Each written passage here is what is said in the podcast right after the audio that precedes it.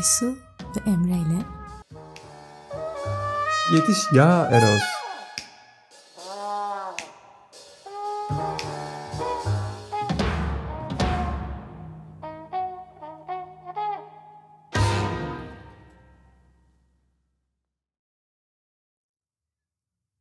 Herkese merhaba.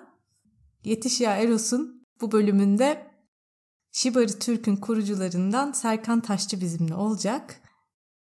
Ya benim bu konuda çok da bir bilgim ve soracağım da bir şey yok dediği için de Emre alanın tümünü bana bıraktı. O yüzden Serkan'la beni duyacaksınız.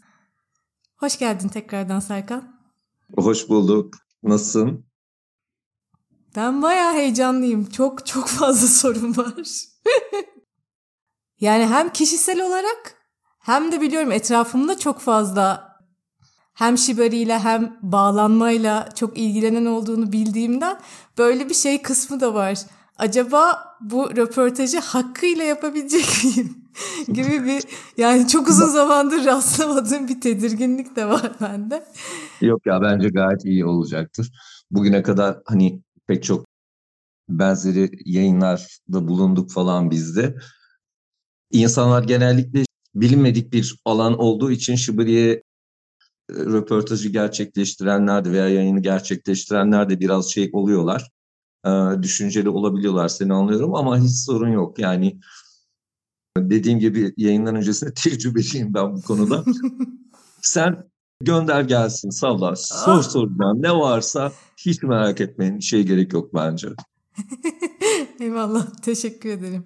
O zaman ben de tam diyecektim yani adettendir.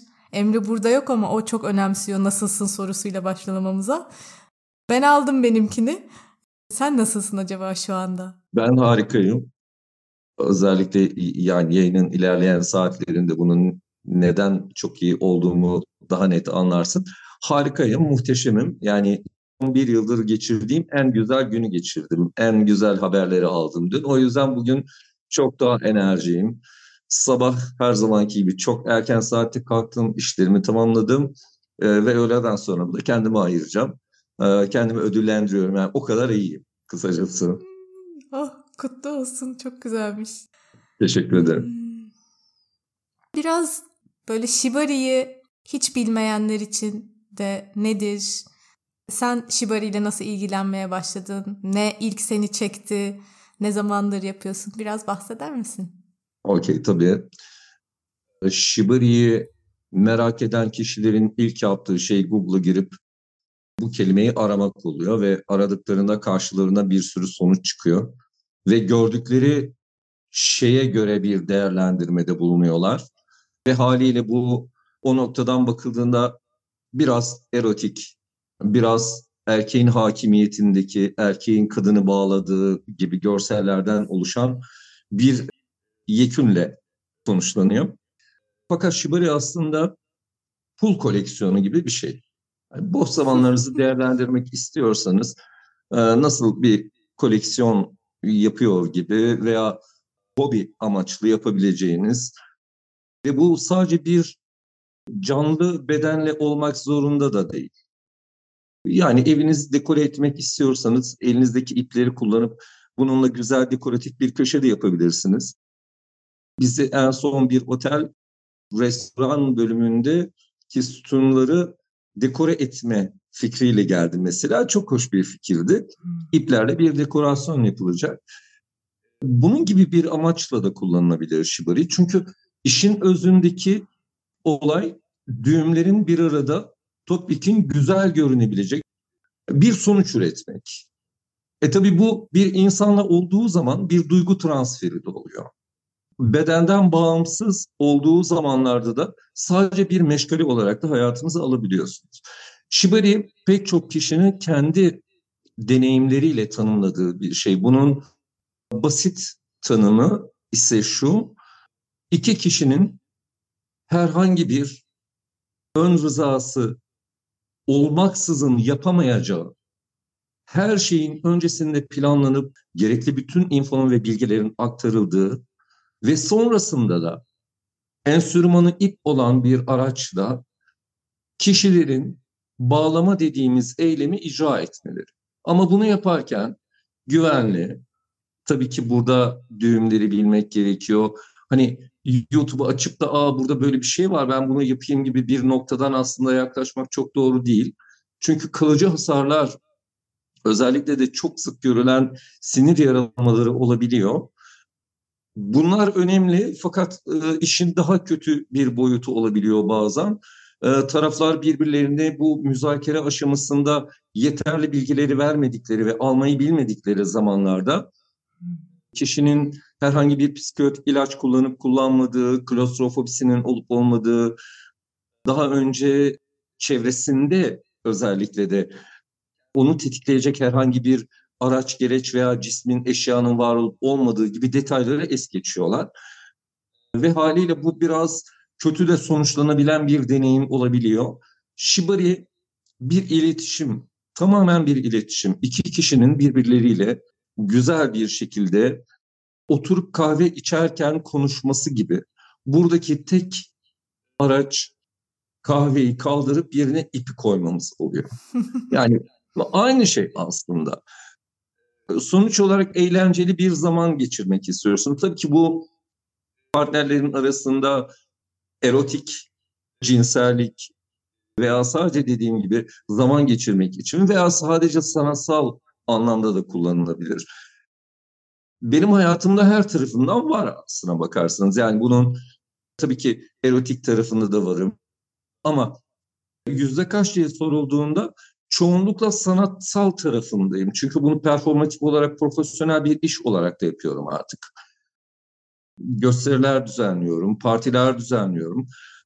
Ve bunu hayatıma aldığım nokta benim profesyonel bir tarafıma denk geliyor. Ama özel hayatımda tabii ki de pek çok amaçla kullanıyorum. Shibari kısacası tanım olarak insanın kendisinin kendi hayatında nasıl konumlandırdığıyla ilgili olsa bile bağlama eylemine atıfta bulunan Shibaru kelimesi kökü olan bir faaliyet. Ve bu da işte dediğim gibi sözüme başlarken Google'da ara, bulduğunuz şeyler evet okey ama bunun çok daha altında bir sürü hikayesi olan her düğümün bir vurgusu, bir hikayesi, bağlama türlerinin birer anlamı, nereden doğduğu, nasıl olduğu gibi gibi bir sürü şey var. Kısacası biraz da Shibari sembolisttir ve sembollerle kendisini ifade eden hikayeler de anlatır. Bağladığınız zaman mesela Tubatsuru denilen bir şey var. Bağladığınızda size bir anlamı varmış gibi gelmiyor ama karşısına geçip baktığınızda gerçekten orada Tubatsuru uçan turnalar anlamına geliyor. Bağladığınız şeyde üç tane kanat çırpan kuş görüyorsunuz. Yani form düzgünse ortaya çıkan şey bu oluyor. Bunun gibi bir sürü hikayesi var. Yani anlamlandırırken de, formlar oluşturulurken de hem doğadan hem de Shibari'nin etkilendiği bütün alanlardan, mesela savaştan, aşktan, günlük eşya kullanımından bir sürü sembolleri taşıdığını da görürsünüz bu hep böyle oldu. Yani etkileniyor sanatlar veya akımlar birbirlerinden. Hmm. Ee, Shibari'nin çok uzun bir kökeni var. Ee, bizim Shibari Türk'ün kanalında, YouTube kanalında bununla ilgili 20 dakikalık bir belgesel var. Ben burada ne söylersem söyleyeyim tamamen zaman katili olacağım. O yüzden orayı herkes bir dinlerse çok daha efektif olacağına inanıyorum. Peki siz? Nasıl başladım? Evet. Evet. Aslında Shibari ile başlamadım. Bandage dediğimiz kinky pratiklerde SM pratikleri içinde bandage bunun ilk başlangıç noktası benim hayatımda. Bir partnerim sayesinde bununla tanıştım ama çok çok uzun yıllar önceydi. Şu anda veriye ulaşma o kadar kolay değildi. Yurt dışına çıkan arkadaşlarımızdan bandage magazinler alıyorduk istiyorduk. Onlar tabii siyah poşetler içinde gelen Playboy gibi dergilerle aynı klasmanda olan magazinlerdi. Ama Türkiye'de tabii bulmak imkanlı olmadığı için biz bu yolla öğrenmeye başladık. Daha sonra internetin ilk popüler olduğu dönemlerde Alta Vista denilen bir yapı var. Bugünün Google'ı. Altavista'da gruplar oluşturulmaya başladı ve insanlar ilk defa bu gruplarda birbirleriyle dünyanın bir ucundaki insanlarla o dial-up modem döneminde temas etmeye başladılar, iletişim kurmaya başladılar. Ben de tesadüfen Shibari ismini ilk defa orada duydum. Ben bandage olarak biliyordum bunu. Ama dünyada Shibari de denilen, Kimbaku denilen bir form olduğunu öğrendim. Tabii bu 20-25 yıl önceki bir dönemden bahsediyorum. Ve haliyle benim yaptığım şeyin bir kabuk değiştirmesi, evrimleşmesi o döneme denk geliyor. Dünyada yapan başka insanlarla tanışmam, hayatımda başka bir yerde konumlanmasına sebep oldu. Ben de böyle başladım diyebilirim. Aslında bir arkadaşımın teşvik ve vasıtasıyla başladım. Ve evet o zamanlar bağlanan taraftaydım mesela. Hala da aynı deneyimi yaşıyorum. Çünkü bizde şöyle bir şey var. Muganava dediğimiz Budizm'den beslenen Muga kelimesi Budist kökenli yani Budist inancındaki bir kelime. Muga felsefesi kendini öncelemeyi yani bencilliği bırakmaya ithafta bulunur. Ee, Nava da Japonca ip demek. Muganava bencil olmayan ip demek. Yani karşındaki insanın hisleriyle büyük bir empati kurma yeteneği istiyorsak eğer bu deneyimi bizim de yaşamamız gerekir. Yani bağlayan sadece bağlayan değil. Burada her iki tarafın onun yaşadığı şeyin, iplerin nasıl bedenini sıktığının, o anda bedeninin nasıl terlediğinin, empatisini kurabilmek için bu deneyimi tabii ki her iki tarafında paylaşması anlamına geliyor. Bizim felsefi olarak inandığımız şey de bu. Bencil olmayı, bencil olma halini ertelemek ve partnerinin aslında ne hissettiğini öncelemek, onu ön sıraya çekmek gerekiyor diye düşünüyoruz. Benim hikayem kısaca böyle diyebilirim. Ben ilk geçen sene sizin Ankara'ya gelmenizde ve ip günü doğru hatırlıyorsam Rob Day evet. de tanışmıştım Shibari ile. Ve o zamandan beri hayalim self suspension denilen kendi kendine asma haline geçebilmek. Umarım gün gelirse. Hep eşli bağlama ve bağlanmadan bahsettiniz. Öyle olduğu zaman Shibari sayılmıyor mu? Yok sayılıyor. Orada bağlanan olması bir teslimiyet olduğu anlamına geldiği için bir bağlanan var. Ama bunu tek başına insan kendisi de yapabilir tabii ki. Bağlamayı bir teslimiyet olarak gören bir noktada değilse eğer birey tabii ki kendisini bağlayacak. Yani ben de self suspension yapıyorum. Kendimi asıyorum, bağlıyorum. İlk kez deneyeceğim bir şeyin beden üzerindeki etkisini anlayabilmek için bunu yapmak da zorunda kalıyorum bir noktada. Ama bu da shibari. Yani shibari sadece dediğim gibi şey değil yani doorkeeping yapmayacağım şimdi. Hani bunu çok iyi bilenler bunu yapıyorlar. Hayır bu şu şey bu böyle değildir bunun doğrusudur. Hayır. İnsan şunu bilmesi gerekiyor. Yani siz onu nasıl hayatınıza aldıysanız ve ona nasıl bir isimle hitap ediyorsanız o odur. Bizim gözlemlediğimiz şey bu. Yani ortada bir ip varsa, mantıklı düğümler varsa ve bu teknik açıdan sorunsuz bir noktadan yapılıyorsa, bir risk yoksa kısacası, düğümlerin teknik olarak güvende olması için o düğümün eksiksiz olması gerekiyor. Tabii ki bu şibari oluyor. Yani insan kendisini bağlayabilir. Böyle e, gatekeeper'lar var e, her yerde olduğu gibi bizim community içinde de hayır bu böyle değildir, şu şöyledir falan filan gibi. Hayır yani e, biz biraz daha açık fikirliyiz. İnsan kendisini bunu nasıl yakıştırıyorsa öyle hayatını alabilir. Yani bu şibaridir basitçe. Benim için ayakkabı bağlamak bile şibari aslında yani. tamam, tamamdır. Hmm, peki benim de deneyimim zaten işin içinde ipler yokken bile hani böyle bedenimizi çok dinler halde değilsek hızlanmışsak işte sert hareketlerle sınırları zorluyorsak zaten kendimize zarar verme ihtimalimiz var. İplerle oynarken sağlık ve güvenlik konusunda özellikle yeni başlayanlara ne gibi tavsiyeler verirsiniz? Ayık olmalarını tavsiye ediyorum. İlk öncelikli o. Tabii yine burada bir o kapıyı tutmak istemiyorum. O geçidi tutmak istemiyorum. Bu böyledir demek istemiyorum. Herkesin kendisini, kendi bedenini ve algılarını en iyi yönetebileceği açık zihin halini kendisi bilir. Hmm. Ama bizim tavsiyemiz hep şu oluyor. Kesinlikle bir alkol veya herhangi bir uyuşturucu madde etkisinde olmadan bunu deneyimleyin. Çünkü bu e, vücudun üreteceği kimyasalları da baskılıyor. Yani mesela dopamin, endorfin akışını azaltıyor, yavaşlatıyor. Hissettiğiniz şeyi de aslında bir noktada öldürüyor diyebiliriz. Çünkü bir sonrası aşaması var ki Shibari'de bağlandıktan sonra deneyimleyen insanlarda bir rock drunk hali görülmüş. İp sarhoşluğu demek olan bu şey baskı altındaki kas ve damarlarda bir bekleyen ve o transmitterlerin birden kana karışmasıyla yoğun bir kan akışı sebebiyle hissedilen şey. Bu an çok güzel bir an mesela. Rock drunk halini bu kafada olursanız yaşayamazsınız. O sarhoşluğu hissedemezsiniz. Zaten bunu baskılayacak başka bir sarhoşluğunuz var. Bunu hissedemezsiniz. O yüzden aynı şekilde acıyı da hissetmeyi yavaşlatıyor. Çünkü sinir sistemini etkiliyor. Vücudunuzda sonrasında bazı sorunlar çıkabilir. Yani mesela alkol vardır ve o anda kendinizi iyi hissediyor olabilirsiniz.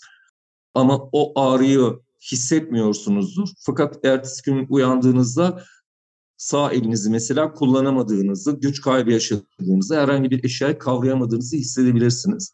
O yüzden biz hem güzel, eğlenceli olması açısından ve kontrollü olması açısından özellikle yeni başlayan kişilere hep aynı şeyi tavsiye ediyoruz.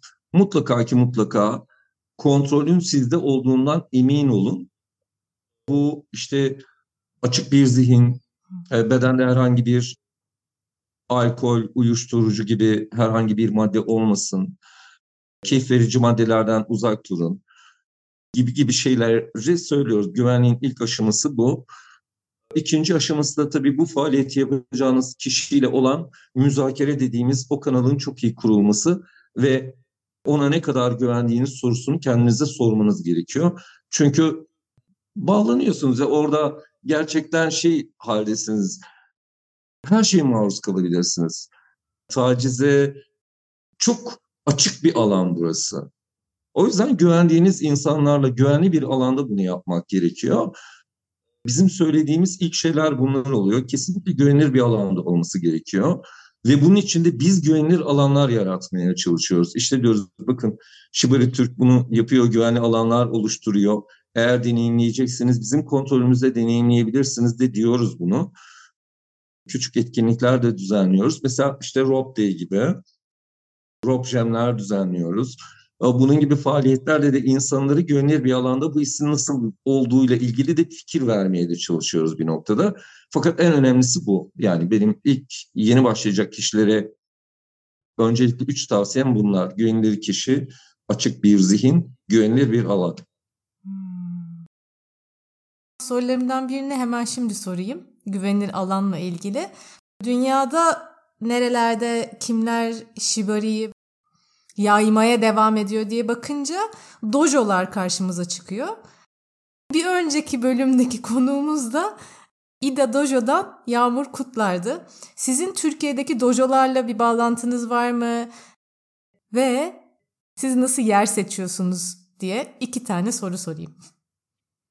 Türkiye'deki dojolarla bir bağlantımız yok ama uluslararası, internasyonel bir dojonun fikirlerini ve tekniklerini burada anlatıyoruz. Bir ekol, Osada Ryu. Osada Ryu'nun kendi dojosu var. Şu anda Hong Kong'da bildiğim kadarıyla. Osada Steve denilen bir şahıs kendisinden önceki ustasının ona devretmesiyle bunu yürütüyor orada. Osada Ikici'ydi onun adı da. Kendisi de Osada adını aldı. Shibari'de veya işte Doğu kültüründe Şi eğitmenlerin adını kullanma yetkisi onun ailesindeki bir başkası tarafından hak etmişse ona veriliyor. Öyle geçiyor, transfer ediliyor bu veriler. OSA'da Steve'in e, şu anda yürüttüğü bir dojonun tekniklerini kullanıyoruz. Ama yer, fiziksel mekan anlamında kendi evimizin geniş salonu var. Orayı biz dojo olarak kullanıyoruz. Fakat önümüzdeki siyasi, politik ve kanuni engelleri de aşıp herkesin erişebileceği böyle bir yoga stüdyosu gibi bir dojo açma fikrimiz var. Hmm. Uzak planlarımızın arasındaydı. Fakat onu yakınlaştırabileceğiz diye düşünüyorum. Batılı olduğumuz, işbirliği yapabileceğimiz, ortaklaşabileceğimiz, hali hazırda böyle stüdyoları olan her insana veya her oluşuma bizi açık, shaming'e uğramayacağımız, açık fikirli olan insanlarla işbirliği yapmaya da devam ediyoruz. Mekanlarımızı seçerken kimler için dediğim gibi en güvenli alan bizim alanımız. Onları misafir etmeye bayılıyoruz. Onlar geliyorlar, insanları alıyoruz. Keza sen de Ankara'da en son eğitimimize geldin. Hoş tatlı bir misafirperver ev sahibimiz vardı. Biz güzel ağırladı. Çayımızı yaptı bir taraftan molalara yetiştirmeye çalıştı. Bahçeye çıktık orada sigaralarımızı, kahvelerimizi içtik. Alanlarımızı daha önceden e, mesela Ankara'daki alan için konuşayım. Şahsın bir kritik incelemesini yapıyoruz ve ortak tanıdığımız bir insan var mı onu bulmaya çalışıyoruz. Daha önce bir şiddet faali olmuş mu veya herhangi bir faali ol, olmadığına bakıyoruz. Mekanlar için de bu böyle. Hmm. İstanbul'da veya Ankara'daki herhangi bir mekanda yapmıyoruz. Ankara'da biliyorsunuz Haymatlos mekanda yapıyoruz. Haymatlos'un bir faali olduğu andan itibaren bizim Haymatlos'la işbirliği yapmamız zaten bundan sonrasında mümkün olmaz. Bunlar çok önemli. Ankara'daki durumu bilmiyoruz ama İstanbul'da çember giderek daralıyor e, mekan bulma konusunda. Çünkü İstanbul bizim gerçekten çok güçlü olduğumuz bir yer ve artık partilerimiz veya eventlerimize 300'lü rakamlar katılıyor. Büyük eventler olmaya başladı. Ekip çok büyük burada. Haliyle buradaki politika da aynı ayrıştırıcı bir dili olan veya e, queer friendly olmayan herhangi bir mekanla çalışmak bizim için çok mümkün olmuyor. Dediğim gibi bu mekanlar da zaten gitgide daralıyor ve çember daraldıkça da bu sorunu yaşıyoruz. Şu anda İstanbul'da 3-5 tane mekanımız var böyle. Sürekli işbirliği yaptığımız ve eğitimlerimizi de kendi evimizde yapmayı uygun buluyoruz. Daha samimi oluyor, daha sıcak oluyor. Dilerim tez vakit kendi yeriniz açılır ve o vakte kadar da belki dinleyenlerden size erişmek isteyenler olur. Şimdi şöyle bir olayımız vardı. O yüzden bugün sevinçliyim. Bunu anlatmadan geçmek istemiyorum. Oh oh gelsin. Şimdi bundan 3 yıl önce Bursa'da evinde oturan bir vatandaş benim paylaştığım bir görsel Twitter'da linç edildi. Daha doğrusu işte insanlar alıyorlar, Hizbullah şakası yapıyorlar, işte domuz bağı şakası yapıyorlar, böyle bunun amacını gibi falan filan bir sürü etkileşim aldı. Evinde oturan bir vatandaşın önüne düşüyor bu. Vatandaş hemen cimeri açıyor. Bu görsel beni tahrik etti. Burada kadına işkence yapılıyor. Moby Dick denilen şahıs bunları bunları yapıyor diye beni cimere şikayet ediyor. Güzel buraya kadar sorun yok. Üç ay sonra sabah dokuz üç polis beliriyor kapıda. Geliyor arama izinleri var. Evinizi arayacağız. Evi aradılar. Telefonuma el koydular. Laptopuma el koydular. Fotoğrafları çektiğim o SD kartlara el koydular. Hmm. Ve benim dava sürecim başladı. Nedir efendim? bir insanı tahrik ettiğim için. Güzel. Bir insanı tahrik ettim. Nasıl tahrik ettiysem onu da bilmiyorum. Yani biz çıplaklıkla ilgili kıt kurallarımız var. Sosyal medyada bunları kullanmıyoruz ve hmm. hani görselleri de gördüğünüz zaman e, oha falan dersin. Öyle bir şey de yok. Fakat dava açıldı. Dava kamu davasına dönüştürüldü. Ve hakkımızda işte bu TCK'nın hani hiçbir yere de koyamıyor Shibari'yi doğal olarak. Neyle suçlayacak? Çünkü bir şey var. Evet birisi bir başkasını bağlamış onu asıyor falan. Bunu nasıl cezalandırabilirim ki? İşte 287. maddeydi sanırım. O maddeyi dayandırdı. İşte filip pedofili her şey var orada. Yani doğal olmayan yollarla yapılan bütün maddenin adını tam hatırlayamıyorum. O yüzden onu kesin bilgi olarak söylemeyeyim. Böyle bir madde var. O buradan bizi suçladılar. Beni suçladılar daha doğrusu. Biz gittik davayı kazandık. Avukatımız çok güzel 68 sayfalık bir savunma yaptı. Bunun bir sanat olduğunu, bakın böyle örnekleri var. Şöyle bir performans oluyor, böyle bir şeyler var gibi savunmasını yaptı. Biz davayı kazandık fakat savcı bunu tuttu. İstinaf mahkemesine götürdü. Bu sefer küçükleri müstehcen yayınlardan korumak başlığı altında bir suçlamayla götürdü bunu. Hmm. Ee, biz yaklaşık iki yıldır istinafın vereceği kararı bekliyorduk. Dün itibarıyla istinaf bizim lehimize karar verdi ve şibari yapmanın aslında yasal olduğunu onaylamış oldu. Bu Türkiye ve dünya tarihinde ilk. Yani yok böyle bir dava. Ben hemen beni dava eden kişiye WhatsApp'tan yazdım. Sana çok teşekkür ediyorum dedim. Örnek teşkil edecek bir evet, davamız bu bir var. örnek teşkil etti. Ve beni dedim şimdi bir millet bahçesine gidip şibari yapmaktan kim alıkoyabilir? kim alıkoyabilir? Elimde böyle karar varken ne kolluk güçleri ne hakkında herhangi bir şey. Rahatsız mı olur?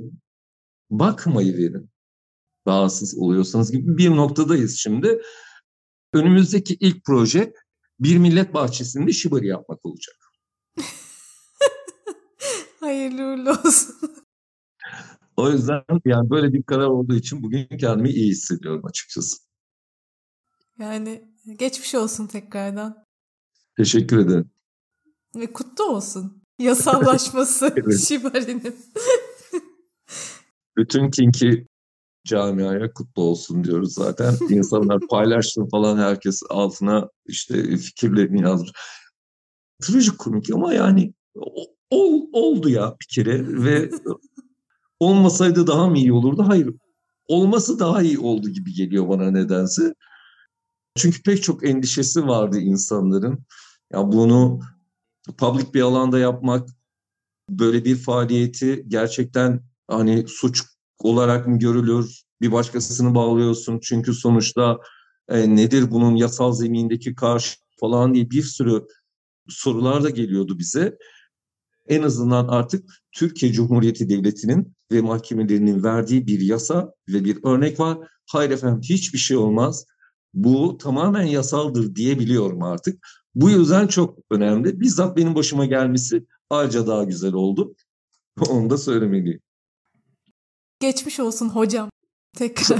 Teşekkür ederim. Şimdi buradan tam böyle kinki de geçmişken bununla ilgili bir sorun var. Çok yakın bir zamanda tekrardan rastladım. Şimdi etrafımda yo yo ben kinki değilim deyip böyle BDSM'in hepsinden inanılmaz uzak duran dostlarım var. Ama ondan sonra iple oynayacağız deyip bahsettiğimde de görüyorum daha nötr bir yere geldiklerini bütün bu 20-25 senelik deneyimi göz önüne alarak biraz bahsettik işte oteldeki kolonlardı galiba onlara ip sarılması.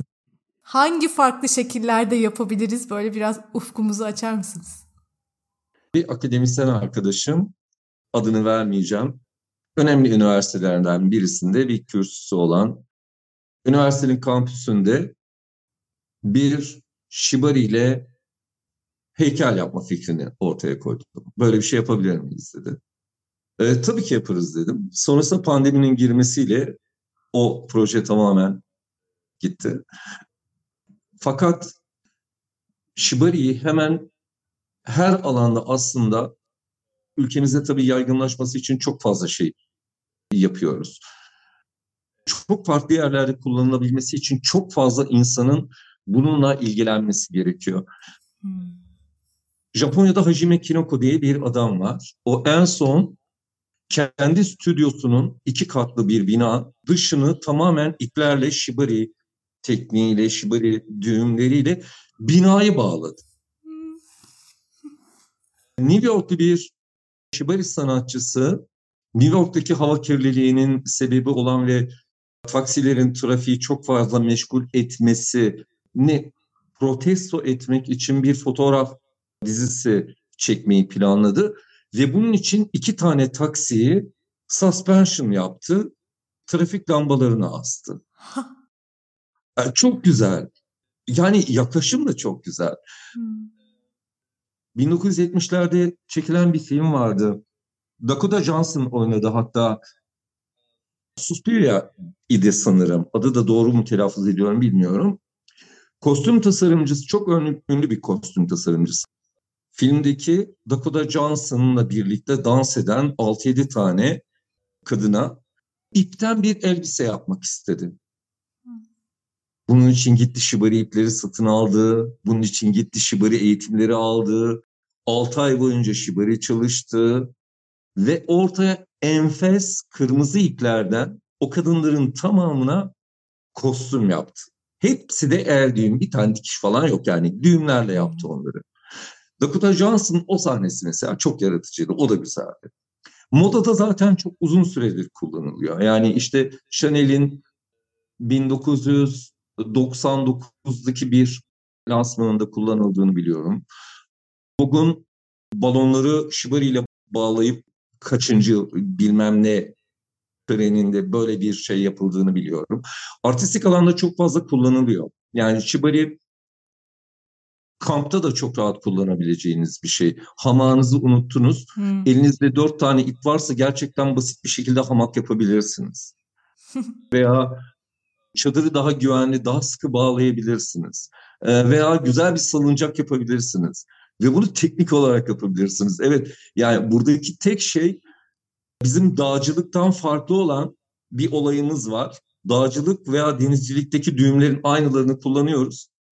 Fakat bizde ilave düğümler var. Bunlara friction diyoruz. İpler karşılaştıkları zaman o ipi boş geçmiyor. Onlara bir şey yapıyor ve öyle devam ediyor yoluna.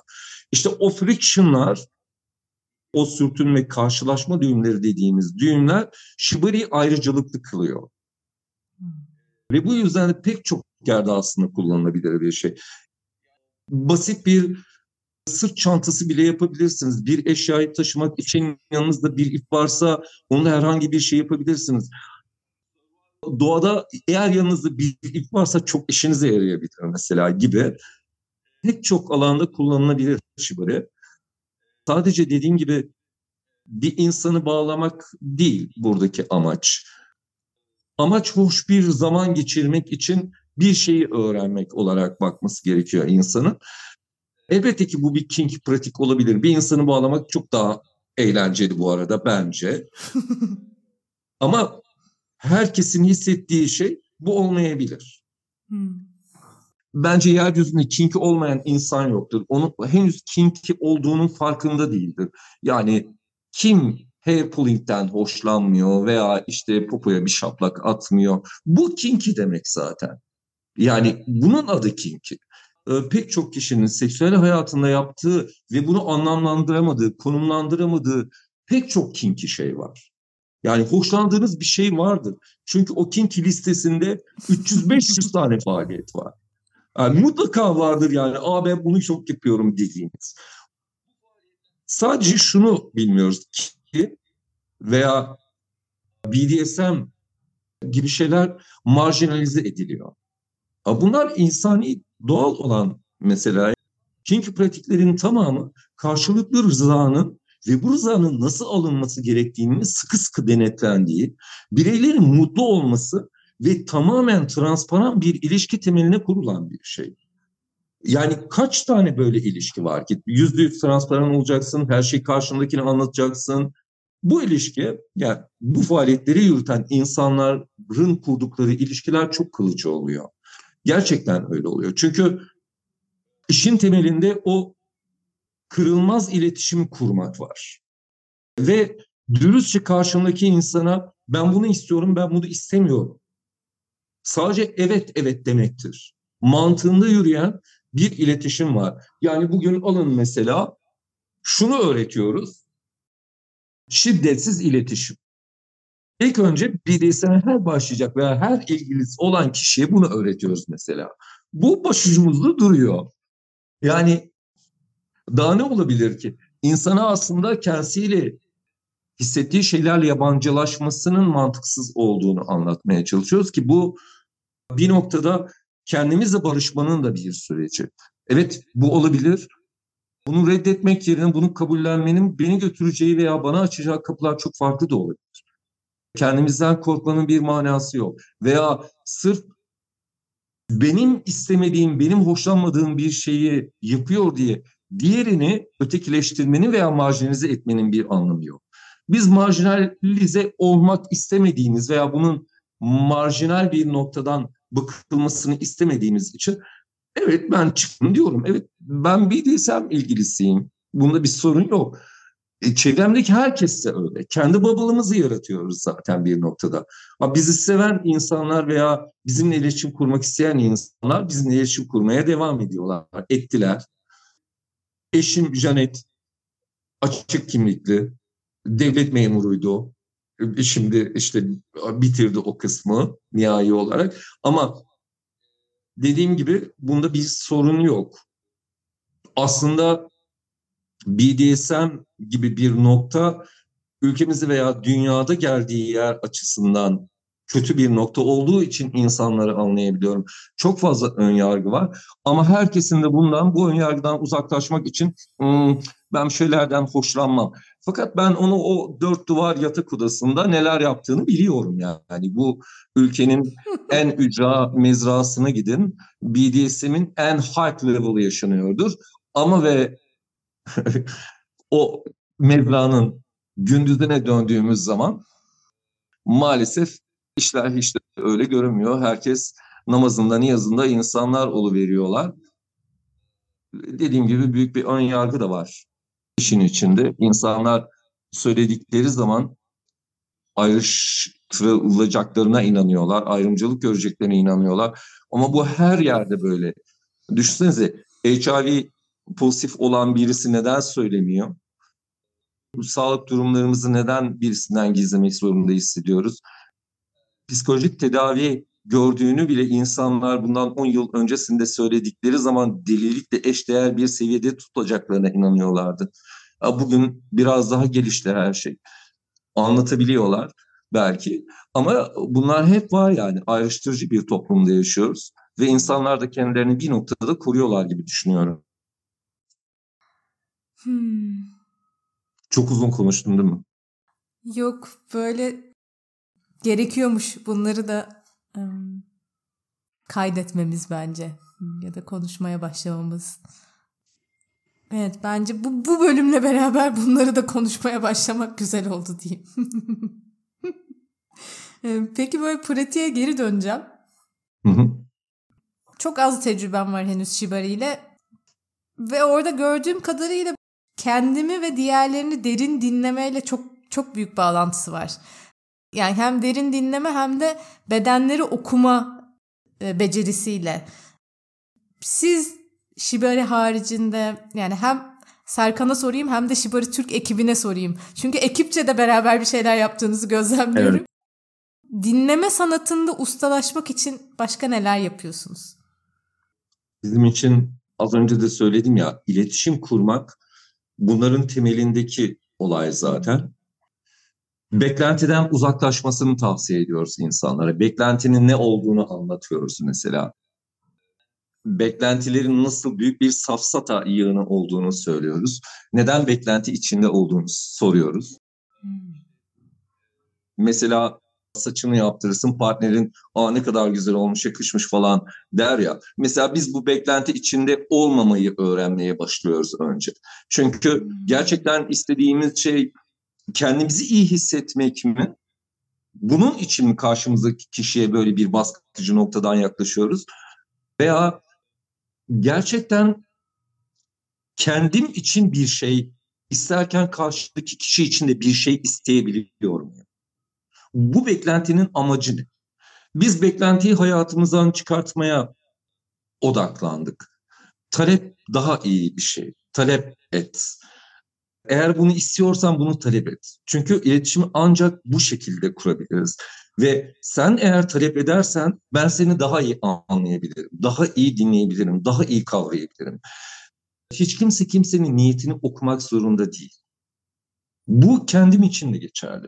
Kendimi dinlerken de niyetimin ne olduğunu sorgulamamla başlıyor zaten. Ben bunu neden istiyorum?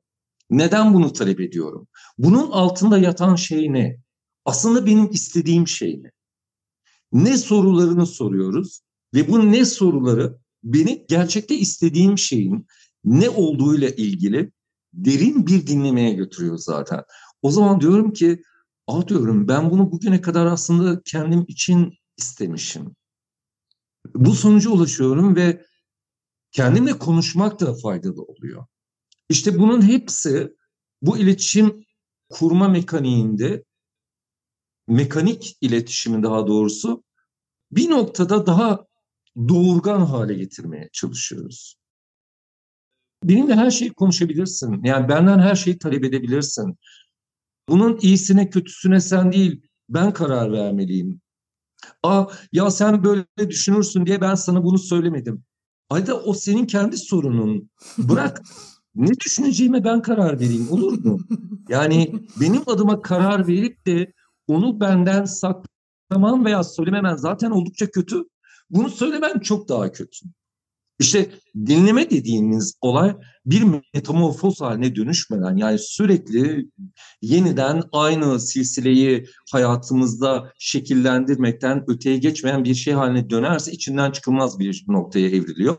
Bu sebeple de biz şey diyoruz, talep et, bekle içinde olma ve doğru frekansı yakala. Çünkü karşımdaki kişinin ne söylediğini ben anlamıyorsam ona şunu sormakla mükellefim. Sen bana az önce şunu mu söylemek istedin? Hmm. Çünkü ona da bir anlam yükleyebiliyoruz bazen. Karşımızdaki kişi belki çok farklı bir şey ima ederken veya açık konuşamıyorken ona düz ve doğru bir noktadan aslında şunu mu söylemek istediğin diye bir soruyu sormayı hayatımıza soktuğumuzda kendimiz içinde aynı noktaya evriliyoruz bir noktada. En azından benim inandığım iletişim uzmanlarının da kendimizle iletişim kurarken hangi yolları benimsemeliyiz gibi yaklaşımları hep bunu gösteriyor. Felsefede de benzeri yaklaşımlar var, psikolojide de benzeri yaklaşımlar var. İnsan kendisini nasıl dinlemeli ve nasıl kendisini anlamalı kendimizi anlayamadığımız noktada başkasını anlayabileceğimize olan inancımız da çok büyük bir kibir aynı zamanda. Kaldı ki e, kibirli varlıklar olduğumuz gerçeğini şurada tutarsak en doğru yöntem gerçekten ve gerçekten talep etmeyi ve beklenti içinde olmamayı öğrenmekle başlıyor. Çünkü bunu bize zaten içinde yaşadığımız toplum bir norm olarak dayatıyor. Ya herkesin Düşünsene misafir odası diye bir odası olan bir kültürden geliyoruz. Orayı sadece misafir kullanır. Her zaman değerlidir, temizdir. Misafir geliyor, şu yemekleri yapalım. Karşı misafirliğe gidersin. Aa bak görüyor musun ben ona dolma yapmışım. O hazır bir şeyler getirmiş der.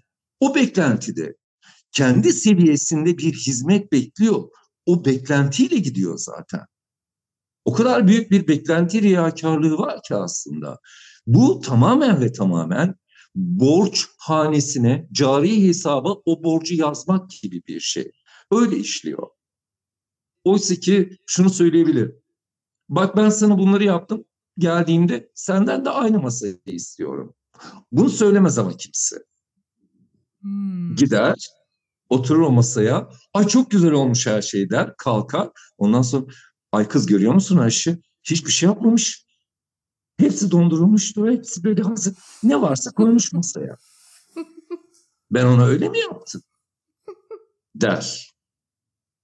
İşte bu riyakarlıktan vazgeçmenin tek yöntemi gerçekten hissettiğimizi, hissettiğimizi ötelemeden ve ileriye bırakmadan o anda içimizden geldiği şekilde karşımızdaki insana aktarmak. Talep etmekle kastettiğiniz aslında isteklerimizin, arzularımızın farkında olmak. Evet tabii tabii. O zaten o. Bunları ifade etmek. Evet başkasıyla barışmadan veya başkasıyla iletişemeden kendimizle bir iletişim kurma e, mantığı yok çünkü. E, bu sürekli olan bir kavgaya, sürekli kendimizle savaşmaya, sürekli kendimizi bu dünyadaki yerimizin ne olduğu ile ilgili konumlandırmaya çalışmaktan başka bir şey yaramaz. E, bizi yorar yani yorucu. Oysa ki düşünsene ne kadar güzel. Ben şunu istiyorum. İstediğim şey tam olarak bu. Bunu diyebildiğin bir dünya yarattığını farz etsene. Çok fazla insan da olması gerekmiyor. 3-5 kişi olsun. Hiç pat diye ağzında aklına gelen, o anda istediğin, o anda düşündüğün bir şey söylediğin ve kimsenin seni yargılamadığı. Hmm. İşte biz toplumumuzda da bunu yerleştirmeye çalışıyoruz. Lütfen diyoruz beklenti içinde olmayın. Karşınızdaki kişinin sizi dinleyebilmesi, sizi anlayabilmesi için ona hislerinizi açmanız gerekiyor. Bunu ötelemeyin. Güvenli alan olduğunu hissettiğiniz bir yerde mutlaka bunu yapın. Çünkü bunu yaptığınız zaman kendinizle olan bağlarınız da iyileşecek. Bunu bir iyileşme olarak görün. Bizim inancımız bu oluyor.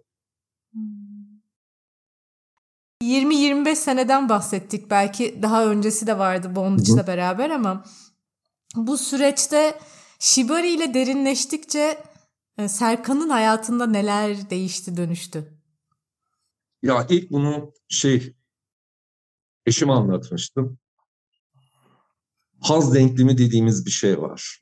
İnsanın herhangi bir şeyden aldığı haz veya aldığı zevk o kadar değişen, o kadar fazla akışkan bir şey ki bu süreç zarfında akışkan olmayı öğren. Hmm. Yani ne artık bulunduğum yerde yaptığım şeyin ne de varoluşumun sebeplerini e, tam olarak şudur dememenin gerekliliğini öğrendim. Bir Japon fotoğraf sanatçısı var. Adı Akira'ydı. İsmi hafızam çok berbat bu okulda. Karısını kaybediyor ve karısı öldükten sonra Kimbaku yani Shibari ile tanışıyor. Ve ölüm üçlemesi adını verdiği bir fotoğraf serisi çekmeye başlıyor. O diyor ki orada fotoğraflardan birisiyle aslında diyor bedenin kırılgan olmasının tek sebebi ona nasıl baktığımızla ilgili. Hmm. Biz bedene bakmayı bıraktığımız zaman gelişmeye başlıyoruz. Biz bedene bakmayı bırakmalıyız. Yani o, o mantığa çok katılıyorum. Bu queer yaklaşımlarda da böyle. Bir insanı dış görünüşlerine bakarak cinsiyet atayamazsın. Veya onun davranışlarına bakarak ona herhangi bir atama yapamazsın. İnsanlar norm dışı olmaya başladıkları zaman bunu çok daha net anlayabiliyor. Şimdi işte marjinalleştirilen, marjinalize edilen bir yerden baktığımda yaşadığım şeylerin aslında beni daha akışkan bir insan haline getirdiği, deneyimlerimin bütününe baktığımda beni çevremle daha iyi bağlar kurabilen bir insan haline getirdiği, içimdeki öfkeyi, içimdeki şiddeti ehlileştirebildiğim, bunu kabullendiğim en azından. Bak ben böyleyim şimdi kabullendiğim bir noktaya da getirdi. Bunu kabullenmeden zaten iyileşme süreci başlamıyor. Bunu kabullenmem gerekiyordu. Ben şu anda öyle bir noktadayım açıkçası. Bilmiyorum tam doğru cevap olmadı belki ama hissettiğim... Çok da güzel oldu. bu soruya karşı böyle bir cevap vermeyi istedi nedense beynim. oh. Ya eyvallah ben yani demin saate baktığımda da nasıl ya bir saat geçmiş olamaz diye böyle bir şaşkınlık içerisinde kaldım ama çok keyif aldım. Ee, çok teşekkür ederim. Hayır rica ederim. Şeyi de sormak isterim. Lebi Derya deneyimler ve hikayeler daha anlatıldıkça anlatılır ama hani şimdilik Yetiş Yairos'un bu bölümünü tamamlarken şunu da paylaşırsam tam olur diye içinden geçen bir şeyler var mı? Şunu belki ekleyebilirim. Kendi hayatım, kendi özelimden tabii bunu kendi deneyimim olduğu için paylaşıyorum. Özgürlüğü biz çok yanlış tanımlıyoruz. Özgürlük aslında bizim kendimizi özgür hissettiğimiz alanlarda başlıyor ve bu alanlara sahip çıkmak, o alanlar için mücadele etmek. Burada parantez içinde sosyalist mücadele etiği bunun için kavramsal veya kuramsal olarak kullanılan bir metot olabilir. O alanları elimizde tutmak için onlar için savaşmak, mücadele etmek bizi özgürleştiren yegane şey imiş. Bunu kavradım ve herkese de bunu tavsiye ederim. Özgür hissettikleri alanlara sahip çıksınlar. Ah. ah gözlerim doldu. Çok teşekkür ederim Serkan. Ay rica ederim ne demek. Herkese Şıbari Türkiye'de ziyaret etmelerini söyleyelim lütfen. şıbaritürk.com'u ziyaret edin. Orada daha fazlası var arkadaşlar. Sormak istediğiniz bir şey olursa hem Yetiş Ya Eroslan hem de bize direkt ulaşarak Şibari hakkında bilmek istediklerinizi sorabilirsiniz. Her yerden ulaşılabiliriz. Aynen öyle ve elimden geldiğince adı geçen sanatçıları da bulmaya çalışacağım. Her seferinde öyle yapıyorum bir yandan röportajı editlerken. Ama en azından Şibari Türkiye dair zaten bahse geçen videonun ve diğer şeylerin linklerini de e, açıklamalarda bulabilirsiniz. Hoşçakalın. Önümüzdeki ay başka bir konukla ve konuyla görüşmek üzere.